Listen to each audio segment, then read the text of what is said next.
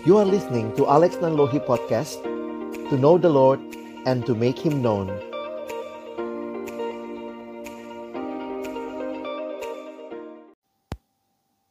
Mari kita berdoa sebelum kita membaca merenungkan firman Tuhan. Bapa di dalam surga, bersyukur buat kesempatan kami beribadah, memuji memuliakan namamu ya Tuhan dan tiba waktunya bagi kami untuk membuka firman-Mu. Kami mohon ya Tuhan ketika kami membuka firman-Mu, bukalah juga hati kami. Jadikanlah hati kami seperti tanah yang baik, supaya ketika benih firman Tuhan ditaburkan, boleh sungguh-sungguh berakar, bertumbuh, dan juga berbuah nyata di dalam kehidupan kami. Berkati hambamu yang menyampaikan firman, setiap kami yang mendengar, Tuhan tolonglah kami semua agar kami bukan hanya menjadi pendengar-pendengar firman yang setia, tapi mampukan dengan kuasa pertolongan dari rohmu yang kudus, kami dimampukan menjadi pelaku-pelaku firman-Mu di dalam kehidupan kami. Bersabdalah ya Tuhan, kami umat-Mu sedia mendengarnya. Di dalam satu nama yang kudus, nama yang berkuasa, nama Tuhan kami Yesus Kristus, kami menyerahkan pemberitaan firman-Mu. Amin. Saat ini sama-sama kita akan membaca dan merenungkan firman Tuhan dalam kaitan tema yang diberikan kepada kita tentang ujian dan pencobaan, trial and temptation, perspektif teologis melihat akan hal ini. Saya mengajak sama-sama kita akan membuka firman Tuhan di dalam kitab Yakobus. Yakobus pasalnya yang pertama, kita akan membaca ayat yang kedua sampai dengan ayat yang ke-8. Lalu kita melanjutkan di dalam ayat yang ke-12 hingga ayatnya yang ke-15. Yakobus pasal yang pertama, saya akan mulai membaca ayat 2 sampai ayat 8 terlebih dahulu iman dan hikmat. Saudara-saudaraku, anggaplah sebagai suatu kebahagiaan apabila kamu jatuh ke dalam berbagai-bagai pencobaan, sebab kamu tahu bahwa ujian terhadap imanmu itu menghasilkan ketekunan, dan biarkanlah ketekunan itu memperoleh buah yang matang, supaya kamu menjadi sempurna dan utuh, dan tak kekurangan suatu apa pun. Tetapi, apabila di antara kamu ada yang kekurangan hikmat, hendaklah ia memintakannya kepada Allah yang memberikan kepada semua orang dengan murah hati dan dengan tidak membangkit-bangkit. Maka hal itu akan diberikan kepadanya. Hendaklah ia memintanya dalam iman dan sama sekali jangan bimbang Sebab orang yang bimbang sama dengan gelombang laut yang diombang-ambingkan kian kemari oleh angin. Orang yang demikian janganlah mengira bahwa ia akan menerima sesuatu dari Tuhan, sebab orang yang mendua hati tidak akan tenang dalam hidupnya. Kita melanjutkan di ayat yang ke-12 sampai ayat yang ke-15. Pengujian dan pencobaan. Berbahagialah orang yang bertahan dalam pencobaan, sebab apabila ia sudah tahan uji, ia akan menerima mahkota kehidupan yang dijanjikan Allah kepada barang siapa yang mengasihi Dia. Apabila seorang dicobai, janganlah ia berkata, "Pencobaan ini datang dari Allah," sebab Allah tidak dapat dicobai oleh yang jahat dan ia sendiri tidak mencobai siapa pun. Tetapi tiap-tiap orang dicobai oleh keinginannya sendiri, karena ia diseret dan dipikat olehnya. Dan apabila keinginan itu telah dibuahi, ia melahirkan dosa, dan apabila dosa itu sudah matang, ia melahirkan maut. Bapak, ibu, saudara yang dikasihi Tuhan, apa yang dimaksud di dalam Alkitab ketika kita melihat konsep tentang ujian dan pencobaan. trial and temptation. Saya pikir dalam kehidupan ada banyak hal yang perlu dilihat dengan baik, dengan perspektif yang benar untuk bisa menilai situasi yang sedang dihadapi. Alkitab memberikan kepada kita perspektif yang baik, yang benar untuk menilai situasi itu dari sudut pandang kebenaran firman Tuhan. Secara khusus hari ini di dalam bagian yang kita baca, di dalam kitab Yakobus pasal yang pertama. Di dalam terjemahan bahasa Inggris, Alkitab New International Version, sebenarnya bagian ini lebih jelas karena menggunakan dua kata yang berbeda. Di dalam ayat yang kita baca tadi, kalau Bapak Ibu kembali melihat di dalam ayat 2 sampai dengan ayat yang ke-8 dan juga ayat 12, kata yang dipakai itu adalah kata trial atau kita bisa menerjemahkannya sebagai ujian. Sementara pasal yang pertama ayat yang ke-13 sampai dengan ayat yang ke-15 itu menjelaskan yang disebut dengan temptation atau pencobaan. Sehingga jelas sekali bahwa di dalam benak penulis kitab Yakobus Yakobus sendiri memberikan pemahaman tentang dua hal yang berbeda. Bagaimana kita melihat perbedaannya? Mari kita coba perhatikan di dalam ayat yang kedua sampai dengan ayat yang ke-8 yang digambarkan ini adalah sebuah trial, sebuah ujian. Tentu bicara ujian, guru yang baik tentunya bukan memberi pencobaan ya, tetapi memberikan ujian untuk menolong para murid memahami sejauh mana pemahaman mereka selama ini dari apa yang dipelajari, tapi lebih daripada itu, supaya muridnya semakin dewasa, semakin bertumbuh, semakin bisa naik kelas. Mungkin itu istilah yang sering kali kita pakai. Mari kita melihat apa yang dituliskan di dalam bagian ini tentang ujian atau trial. Di dalam ayat yang ketiga dikatakan, "Kamu tahu bahwa ujian terhadap imanmu itu menghasilkan ketekunan, dan biarkanlah ketekunan itu memperoleh buah yang matang, supaya kamu menjadi sempurna dan utuh dan tak kekurangan suatu apa pun."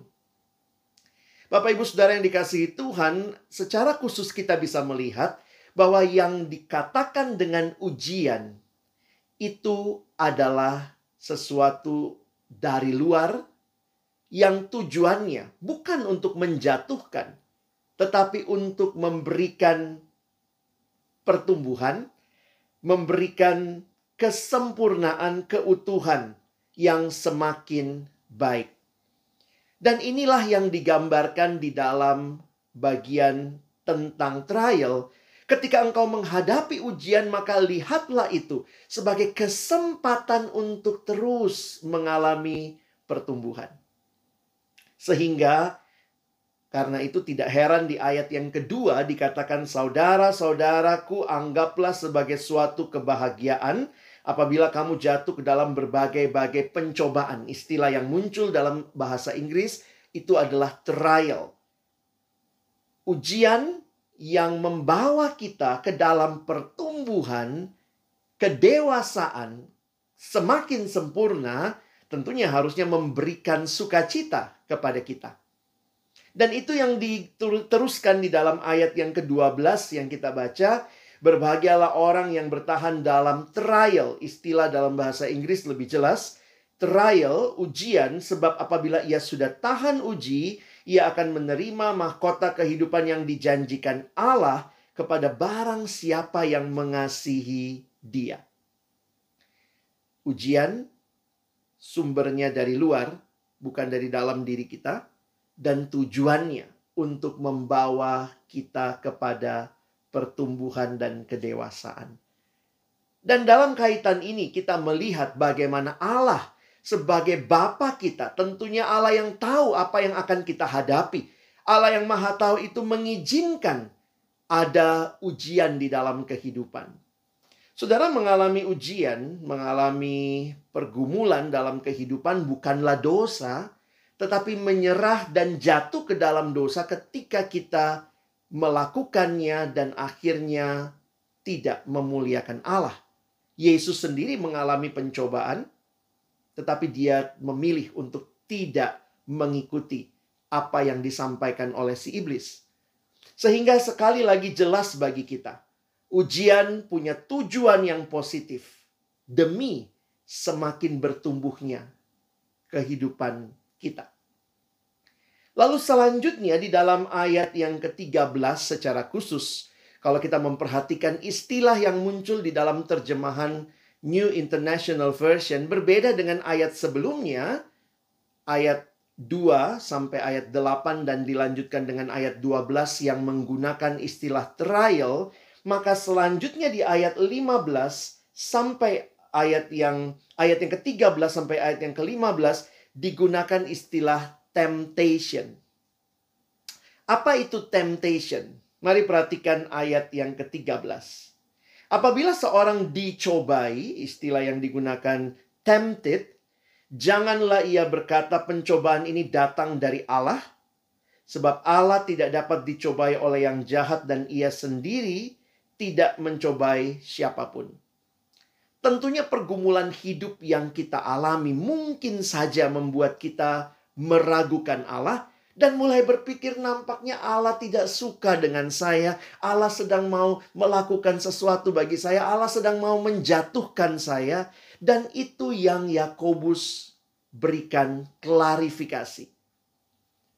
Apa yang dikatakan bahwa pencobaan ini bukan dari Allah karena dua alasan. Allah tidak dapat dicobai oleh yang jahat dan Allah sendiri tidak mencobai siapa pun. Bagaimana mengerti hal ini? Selanjutnya dijelaskan oleh Yakobus di ayat 14 dan 15 bagaimana pola kerja kalau kita boleh pakai istilah itu, berkaitan dengan pencobaan. Gambaran yang digunakan seperti gambaran orang yang melahirkan. Tetapi tiap-tiap orang dicobai oleh keinginannya sendiri, berarti masalahnya di dalam diri, karena ia diseret dan dipikat olehnya. Mudah sekali ketika kita mengalami pergumulan, kita menyalahkan mengkambing hitamkan semua hal di luar diri kita. Seolah-olah kita ini bebas. Saya tidak salah. Salahnya adalah karena dia. Salahnya adalah karena situasi ini. Salahnya adalah karena kondisi ini. Bahkan tidak jarang kita menyalahkan Tuhan. Dan Yakobus sudah katakan tadi bukan. Itu bukan dari Tuhan. Tetapi pencobaan itu lahir dari keinginan sendiri karena diseret dan dipikat olehnya. Perhatikan ayat 15. Dan apabila keinginan itu telah dibuahi, ini gambaran kelahiran tadi, ia melahirkan dosa dan apabila dosa itu sudah matang, ia melahirkan maut. Give birth, melahirkan maut. Bapak Ibu Saudara yang dikasihi Tuhan, di sini letak perbedaan yang sangat mendasar bahwa berbicara tentang ujian itu dari luar, dengan tujuan membuat kita semakin dewasa, semakin matang. Sementara bicara tentang pencobaan ini bicara dari dalam, dicobai oleh keinginan hatinya sendiri. Memang masalah utama dalam hidup bukannya yang di luar semata-mata, tetapi masalah hati. What is the heart of the problem? The heart of the problem is the problem of the heart. Tidak heran ketika penulis Amsal mengatakan di Amsal 4 ayat 23, "Jagalah hatimu dengan segala kewaspadaan karena dari situlah terpancar kehidupan." Pencobaan mulai dari hati yang sedang tidak percaya pada Tuhan, sedang tidak mengandalkan Tuhan, hati yang melihat hal itu indah dan kemudian mengikutinya. Padahal itu memberikan dampak yang membawa justru jatuh ke dalam dosa. Sehingga kalau kita memperhatikan apa yang terjadi di Taman Eden misalnya, Bahwa ini kita tidak bisa menyalahkan kenapa ada taman, kenapa dibuat taman, kenapa ada pohonnya. Tetapi ketika kita tahu bahwa Hawa mengambil buah itu, dia melihatnya sangat indah, dia mau mengambilnya dan dia memakannya. Maka ini bicara tentang pilihan hati yang dimiliki oleh manusia. Nah, saudara yang dikasihi Tuhan, ini perbedaan yang sangat mendasar melihat apakah ini ujian atau ini pencobaan. Tapi realitanya bagaimana dalam kehidupan? Saya coba membaca satu kutipan di dalam satu buku yang saya baca mengatakan sering kali kita sulit untuk membedakan antara pencobaan dan juga ujian. Yakobus dalam bagian ini membedakan tentang ujian yang datangnya dari luar dan pencobaan karena kelemahan diri kita dari dalam. Di dalam pengalaman nyata, kedua hal ini sering kali sulit dibedakan dan tidak dapat dipisahkan. Tetapi apa yang menjadi hal yang penting untuk sama-sama kita pahami? Saya melihatnya bahwa ketika hal itu terjadi kepada kita, sebuah pergumulan misalnya yang membuat kita jatuh ke dalam dosa atau memungkinkan kita jatuh ke dalam dosa, maka pilihan yang saudara dan saya buat itu yang akan memastikan pada akhirnya apakah hal itu membuat kita jatuh, berarti itu menjadi pencobaan.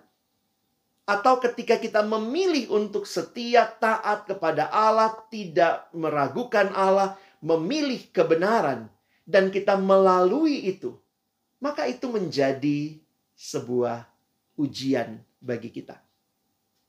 Sehingga yang penting di dalam bagian ini adalah setiap kali kita mengalami pergumulan hidup, ingatlah baik-baik untuk percaya seperti janji Allah bahwa kita sanggup dan mampu oleh pertolongan Roh Kudus untuk memilih kebenaran, melakukan kebenaran.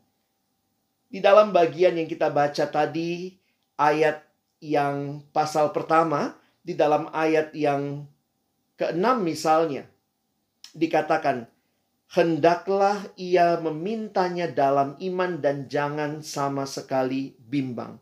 Ini berkaitan dengan apa? Berkaitan dengan ketika menghadapi pergumulan. Maka ayat 5 mengatakan apabila di antara kamu ada yang kekurangan hikmat, hendaklah ia memintakannya kepada Allah.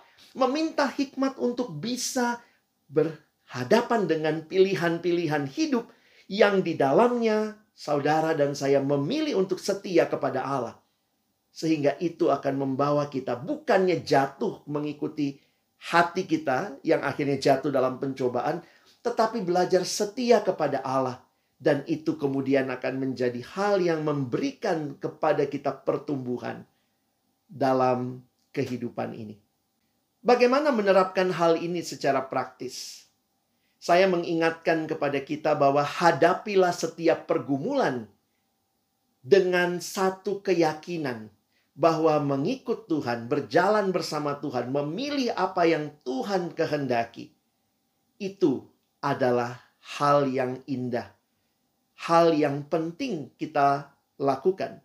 Mungkin awalnya tidak enak karena pilihan-pilihan untuk hidup dalam kebenaran sering kali membuat kita justru dicemooh, membuat kita justru tidak mendapatkan untung yang dilihat oleh dunia tetapi memilih hidup seturut dengan kehendak Allah, bukan mengikuti apa yang ada di hati kita.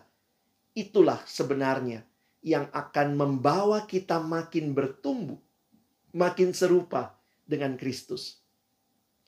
Bagi saya pribadi, mengerti bagian ini akhirnya saya aplikasikan secara sederhana. Setiap hal dalam hidup bisa jadi pencobaan, bisa jadi ujian itu menjadi pencobaan ketika saya mengikuti apa yang ada di hati saya yang jahat. Tapi ketika hati saya yang jahat sudah dibaharui oleh Kristus, maka saya dimampukan untuk memilih hal-hal yang benar, hal-hal yang kudus, hal-hal yang sesuai dengan kehendak Tuhan. Dan ketika saya memilihnya dengan semua resikonya, maka saya melewati itu sebagai sebuah ujian yang di dalamnya Tuhan makin menumbuhkan iman saya untuk bersandar kepada Dia. Saudara yang dikasihi Tuhan, firman Tuhan juga mengingatkan kepada kita bahwa Tuhan peduli, Tuhan mengasihi, Tuhan tahu pergumulan kita. Karena itu 1 Korintus 10 ayat 13 mengingatkan pencobaan-pencobaan yang kamu alami adalah pencobaan-pencobaan biasa yang tidak melebihi kekuatan manusia. Sebab Allah setia dan karena itu ia tidak akan membiarkan kamu dicobai melampaui kekuatanmu pada waktu kamu dicobai, ia akan memberikan kepadamu jalan keluar, sehingga kamu dapat menanggungnya.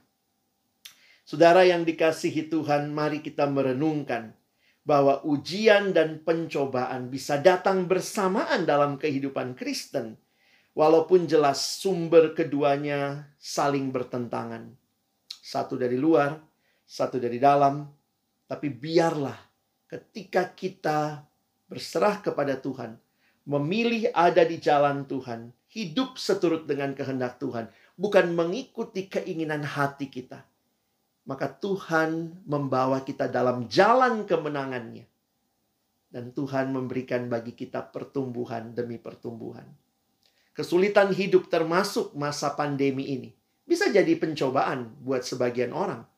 Tapi buat sebagian orang lagi yang terus belajar bersandar pada Tuhan Memilih untuk tidak bersungut-sungut tapi belajar untuk melihat Tuhan apa yang kau kehendaki. Dan bahkan apa yang bisa saya lakukan dalam situasi pandemi yang sulit ini. Situasi ini akan menjadi ujian yang mendewasakan saudara. Untuk semakin melihat karya Tuhan. Dan bagaimana Tuhan sedang membentuk hidup yang semakin hari semakin serupa dengan Kristus. Kiranya Tuhan menolong kita memakai kacamata firman-Nya untuk melihat kehidupan kita. Hadapilah pergumulan ini dengan bersandar kepada Tuhan. Amin. Mari kita berdoa. Kami percaya ya Tuhan Engkau Allah kami yang hidup. Allah yang tidak pernah meninggalkan kami. Di tengah pergumulan yang kami alami, ingatkan kami bahwa Engkau hadir menyertai perjalanan kami. Karena itu kami bersyukur dan kami mau terus melangkah bersama Tuhan. Karena ketika kami berjalan bersama Tuhan, memilih hal-hal yang Tuhan mau kami pilih, itu membuat kami semakin bertumbuh, semakin dewasa di dalam Tuhan. Terima kasih untuk firman-Mu. Tolong kami pada akhirnya bisa melihat pergumulan-pergumulan hidup kami dengan perspektif yang sesuai kehendak Tuhan, sesuai dengan firman-Mu. Dalam nama Tuhan Yesus, kami bersyukur, kami berdoa. Amin.